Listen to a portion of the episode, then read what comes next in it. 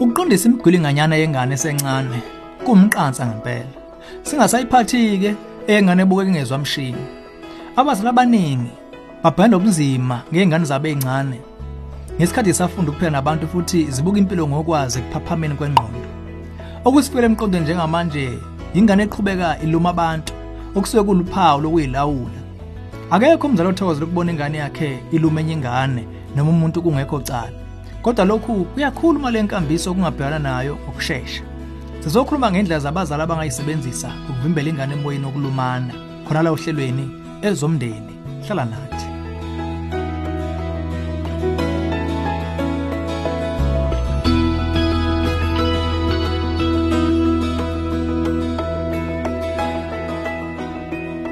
Kwayintokozo bangiphinde ngikubingelele ezomndeni. Uhlelo lwakho lokuletha izeluleko eziphatheka ngabaka focus on the family. Sithola umbuzo kumama okhathazeke ngengane yakhe esencane enomoya wokulumana. Uthe wenze njani ngengane ehlasela abanye abantu ngamazinyo ayo? Ingane yethu esencane ekhombisa ukuba nenkani seyikhombise lo moya inyanga ezimbalwa. So umisa kanjani lo mkhuba kuyona. Uma ubhene nezingane ezincane indlela engcono ukuqeda nahlobo lwenkambiso embi okubandakanya nokulumana ukufaka imiphumela esheshayo. Eminye yayo enamandla enganeni esencane ukuyisa eminyaka kancane ikuyoyicinga ngokusheshsha oso psychology basichazela lesikhathi njengokuyisusa ebuntofontofeni qede iyoba nomzwangedwa iyodwa eminyango kancane kwesikhashana uyibeka endaweni la khona izoba nesithukuthezi okwemzuzwana nje. Thola indawo la khona ingaya khona ukuyoyithola ingane yakho kodwa bese uDavid Jeqe yenza ihlale khona ize iqede isigwebo sayo. Imvamisa sikhuthaza umzuzu owodwa nje enganeni enonyaka obudala ukuze neminyaka emibili yona ibe phandle imizuzu ewu2 njengoba sesichazile kusemqoka kuba indawo ekuyo ibe ngebhorayo ngempela. Kuleso sikhathi akumele ithola amathoyizi nawe futhi uyeke iyodwa nje ungayikhathazi ngokudewe ixoxisa. Ungalokhu uyifundisa noma uyithethisa. Iyeke nje. Engqondweni yengane ngisho ukunaka kokuthethiswa ukuyayikitaza nakho kukodwa nje kunokushiwa yodwa. Manje ngamathuba kuba hlabalase kumbe ide igxuma gxuma iyeke nje kanjalo ngisho ngayiwisa ungayiqukuli kuze kube seyiqeda isigwebo sayo. Uma kuukuthi ubuseyihlotsheni noma emphakathini la khona elumana khona lengane yakho usengadinga ukuchula kancane lapho.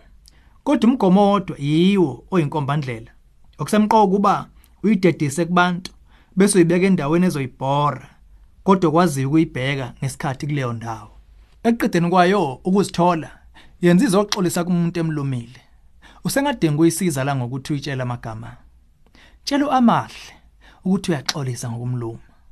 Uma inqaba kobe kuchaza ukuthi ayibuyele kancane kuyokuyicingeni kwayo bese futhi uyithi xaxa imzozo kancane seminyanga sisasho lokho nje abanye abazali baye basitshela ukuthi ukukhipha ingane yozicinga akusebenze einganeni zabo. Eyimene njalo ke? Kusanokwenzeka ukuthi ukuyozicinga akwenzeki ngendlela eyiyo. Uma kuukuthi ulandela kahle konke futhi awuklabalaso uyithethise nawe kumbe ulingeke ukuyiqukula mabe siyiwisa ususuka zinseka na kanjani uthola ukuthi lo moya wokulumana uyehla kancane kancane kancane uma usukwenze konke lokhu kodwa ungehla umoya kobe kuchaza ukuthi ingane yakho inokungalungi kwesimo sayo esithile sokukhula esiyinkinga.